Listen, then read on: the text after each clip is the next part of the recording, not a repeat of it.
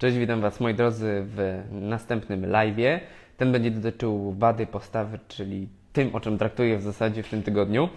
Mm, No i wczoraj wstawiłem post, e, trochę napomi- napominający o tym, e, o czym dzisiaj będzie ten, ten live, ten webinar. E, Dajcie tylko znać, czy mnie słychać. Słychać mnie, czy nie?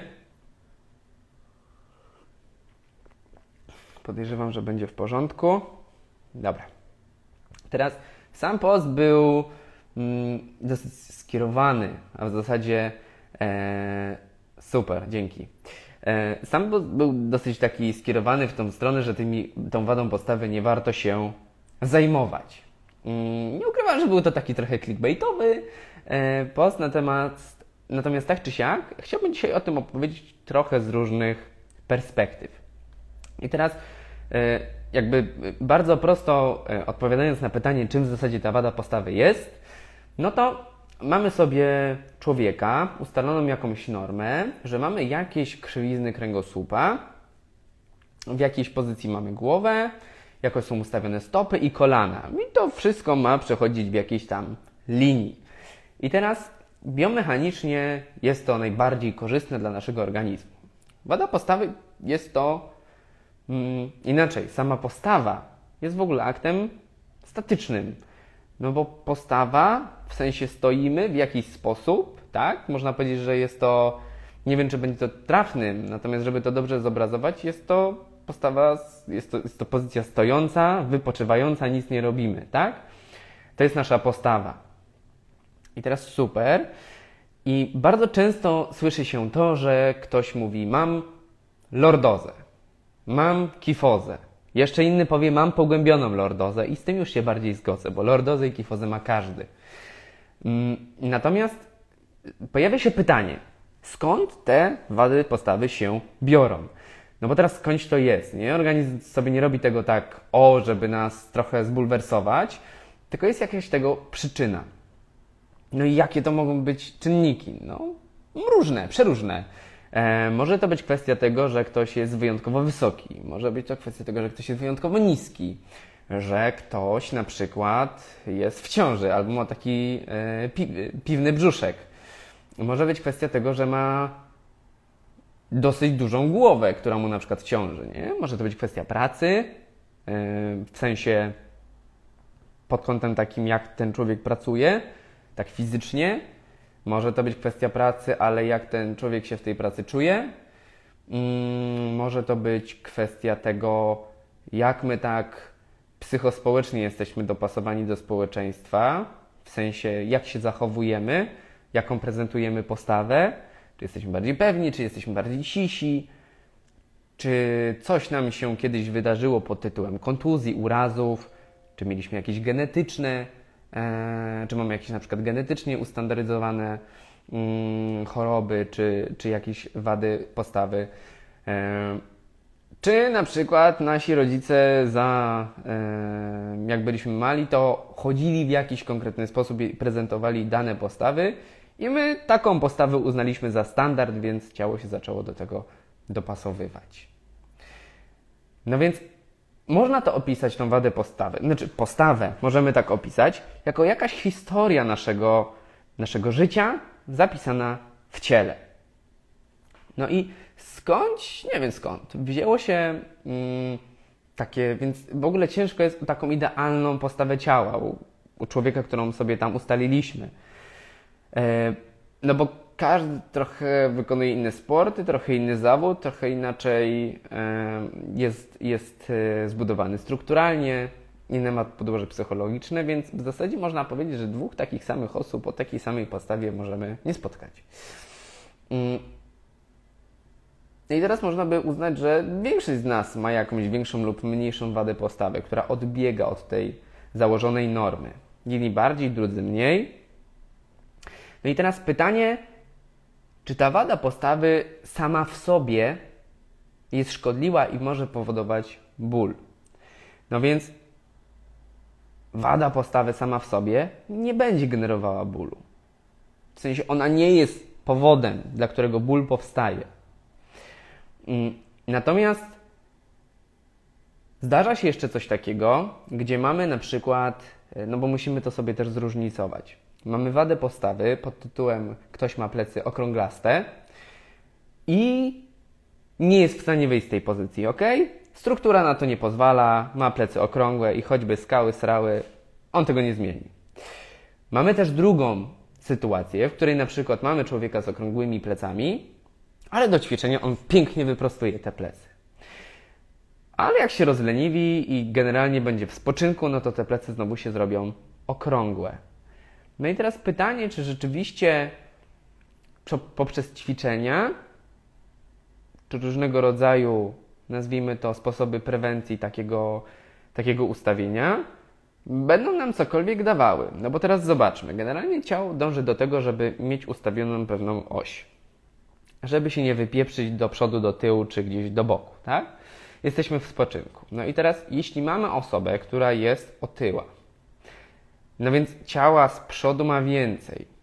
No więc, żeby ciało się wypośrodkowało w tym ciężarze, pogłębi nam tą lordozę prawdopodobnie, wysunie biodra w przód, a reszta ciała zostanie z tyłu. No i dla tej osoby jest to mega efektywne. No bo ona stojąc się nie męczy. No tak naprawdę o to chodzi naszemu organizmowi, że on sobie coś tam robi, ale generalnie robi to tak, żeby nie wykorzystywać za wiele siły, energii. Jest to po prostu dla niego z perspektywy takiej ekonomicznej niekorzystne. No więc e, pytanie, czy na przykład w przypadku takiej osoby bardziej korzystnym nie będzie zrzucenie kalorii, nie, zrzucenie kalorii, zrzucenie wagi, niezależnie od tego, czy to będą ćwiczenia, czy to e, będzie jedzenie mniej, czy to będzie cardio, czy cokolwiek innego. Niestety może się okazać, że ćwiczenia w przypadku korekcji, jeśli to możliwe u takiej osoby postawy, to jeśli nie schudnie, nie mamy o czym mówić. Może być również tak, że robimy sobie jakieś ćwiczenia u osoby, która ma wadę postawy i chciałaby to zmienić. No i teraz my sobie ćwiczymy, super, raz w tygodniu, dwa razy w tygodniu, trzy razy w tygodniu ćwiczymy.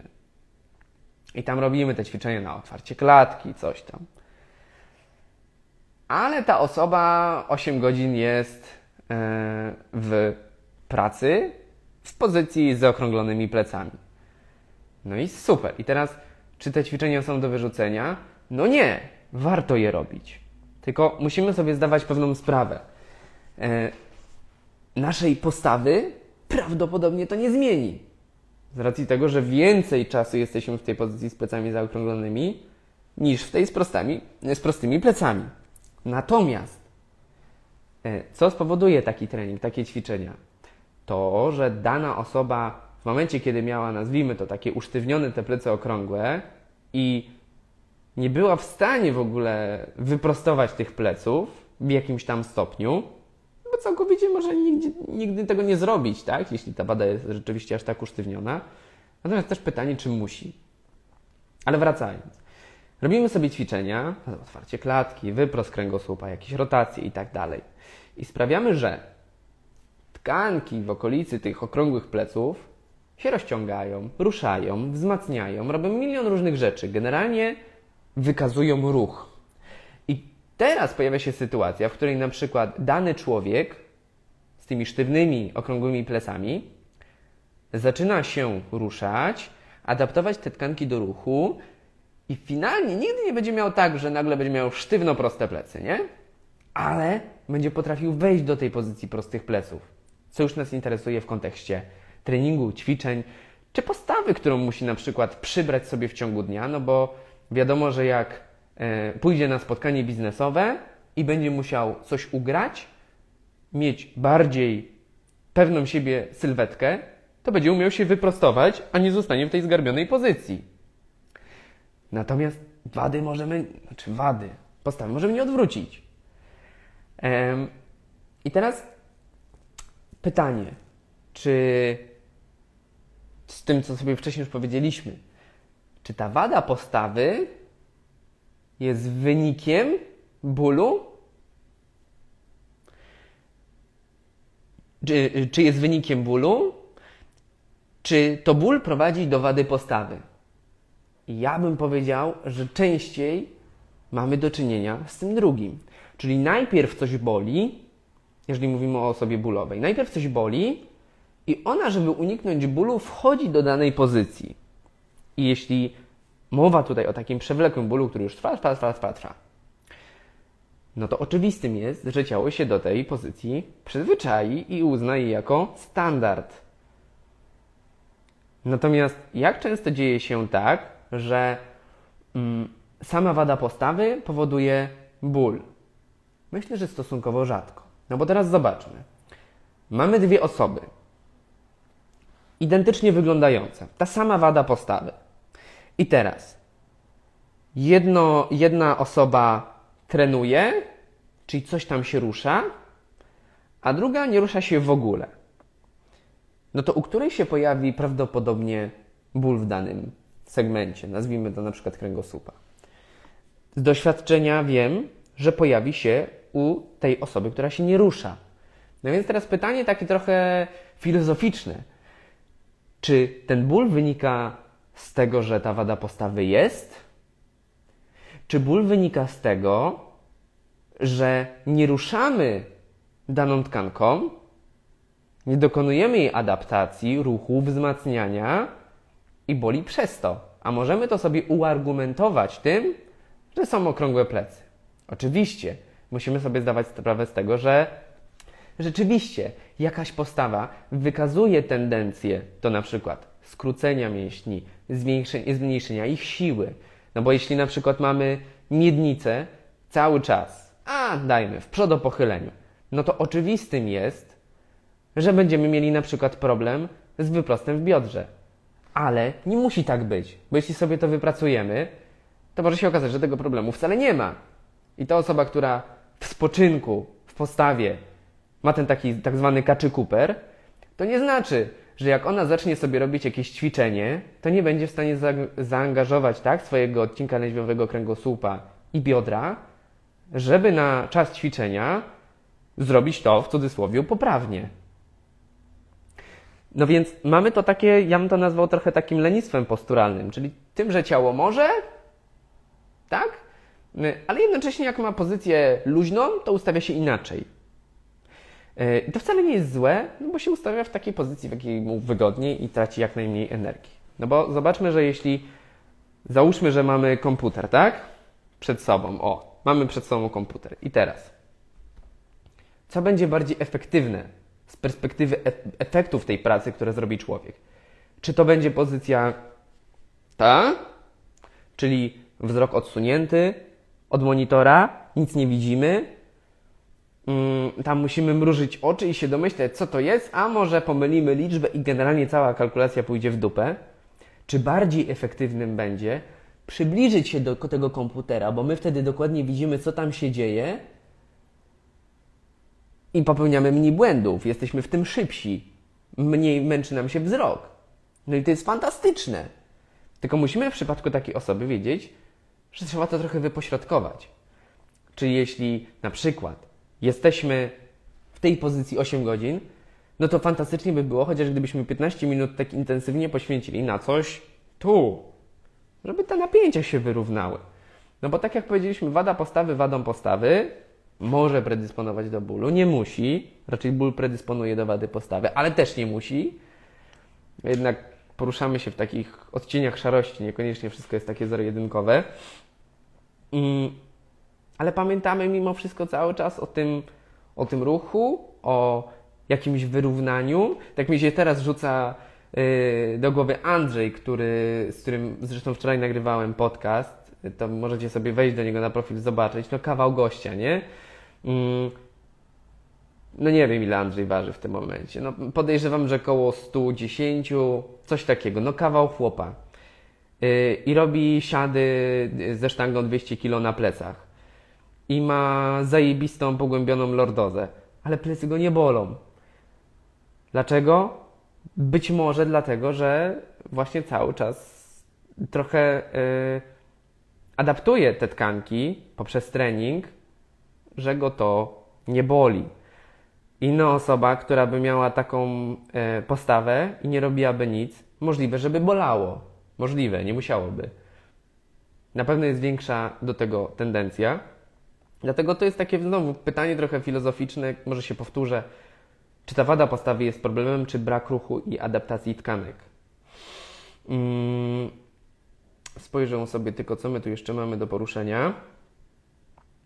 O czynnikach sobie powiedzieliśmy, które wpływają na naszą postawę. I teraz, kiedy należy wadą postawy się zająć? Bo zdarza się, że przychodzi człowiek do specjalisty i mówi, a bo ja bym się chciał naprostować. No i. I super. Patrzcie, e... niestety transmisja się, się zawiesiła z racji tego, że mam. E, ustawiłem sobie limit rodzicielski na Instagram, żeby nie przesadzać. E, natomiast i tak oba nagrania będą zamieszczone na Instagramie, więc nie powinno być problemu. Kontynuując, kiedy warto się taką wadą postawy zająć? No więc, e, po pierwsze, kiedy dana osoba doświadcza bólu, kiedy rzeczywiście wygląda postawa mega nieestetycznie, kiedy mamy sztywność, która człowiekowi przeszkadza. Mm, no i kiedy większa ruchomość w naszym ciele jest nam potrzebna do wykonywania na przykład jakiegoś sportu. I teraz y, jedna rzecz, no to rzeczywiście, że my tej wady często może się okazać, że nie, korygujemy, nie skorygujemy jej w 100%, ona może się troszkę zmienić, natomiast możemy znacznie zmienić funkcjonowanie tego ciała. Czyli pozycja leniwa sobie zostanie taka, jaka jest, ale możliwości organizmu będą dużo większe. Czyli my nadal będziemy się mogli zrotować do pewnego stopnia yy, więcej, pomimo tego, że będziemy mieli nadal wadę postawy. Tylko są rzeczywiście, yy, są rzeczywiście momenty, w których warto się tą wadą postawą postawy zająć. Tak samo prewencyjnie, kiedy na przykład doznajemy jakiegoś bólu, no to słabo go tak lekceważyć i dobrze się nim zająć, dlatego że on może powodować wadę postawy. Yy, dlatego takich na przykład przewlekłych bóli, nie wiem, kręgosłupa, należy się tym zająć, jeśli one się rzeczywiście pojawiają często. Nie mówimy o takich incydentach pod tytułem trochę się bardziej zestresowałem i yy, zabolały mnie plecy i to jest tak raz na 10 lat, no wtedy jest to nieistotne. Natomiast kiedy mamy takie częste nawroty tego bólu lub jakieś urazy, e, no to rzeczywiście może się okazać, że jest to czymś, czym warto się by było zająć. Mm. Wada postawy, a funkcji mięśni. Rzeczywiście, niektórych rzeczy nie oszukamy. To znaczy, jeżeli mamy osobę, która ma w jakiejś pozycji plecy i ona prawdopodobnie, jeśli ta wada postawi przez strukturę, czyli układ kostny, e, więzadłowy, chrzęstny, jest w jakiś sposób już zbudowana, no to pewnych rzeczy nie zrobimy tak, jak gdyby ta wada, gdyby ta postawa była inna. Czyli co mam na myśli? Jeśli mamy osobę z nadmiernie zaokrąglonymi plecami, takimi sztywnymi, no to możemy zrobić wyprost kręgosłupa, większy niż był domyślnie, ale prawdopodobnie nie zrobimy takiego wyprostu, jakbyśmy mieli tą taką ustandaryzowaną postawę. Tak samo może przesadząc w drugą stronę, osoba, która będzie miała zmniejszoną e, kifozę piersiową, to będzie mogła zrobić jeszcze więcej tego wyprostu niż osoba, która jest w tym standardzie, jeśli chodzi o postawę ciała. Dlatego rzeczywiście struktura może nas, nas ograniczać w jakiś sposób lub wręcz nadmiernie pozwalać na jakiś ruch. Tak czy siak, zawsze mamy pole tutaj do popisu i szczerze, nie zawsze takie krańcowe zakresy ruchu czy możliwości ruchowe nie są nam zawsze potrzebne. Więc bilans trochę korzyści i strat, bo się człowiek napieprzy, mm, będzie się stresował, że nie może, a w sumie tak naprawdę mu to niepotrzebne. Mm. Okej. Okay.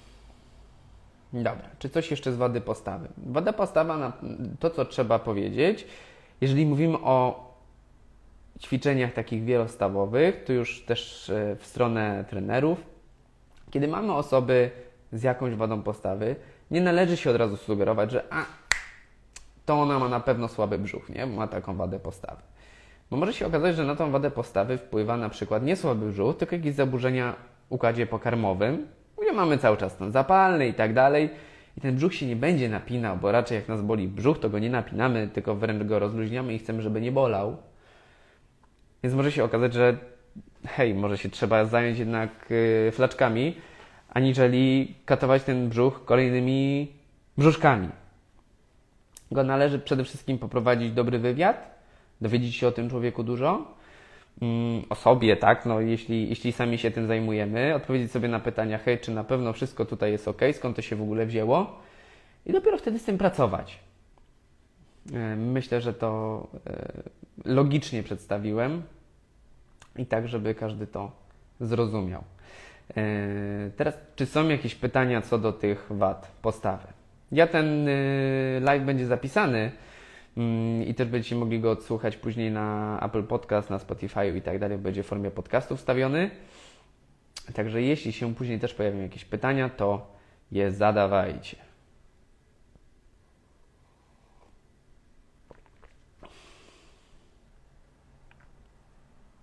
I co? Mamy jakieś pytania?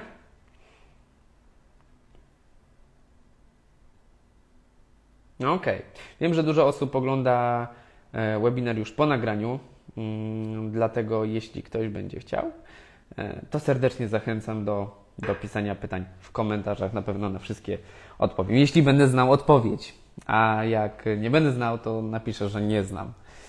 E, także dziękuję Wam bardzo za dziś i do zobaczenia w webinarze za tydzień. Jeszcze nie wiem o czym będzie, ale na pewno będzie. Cześć.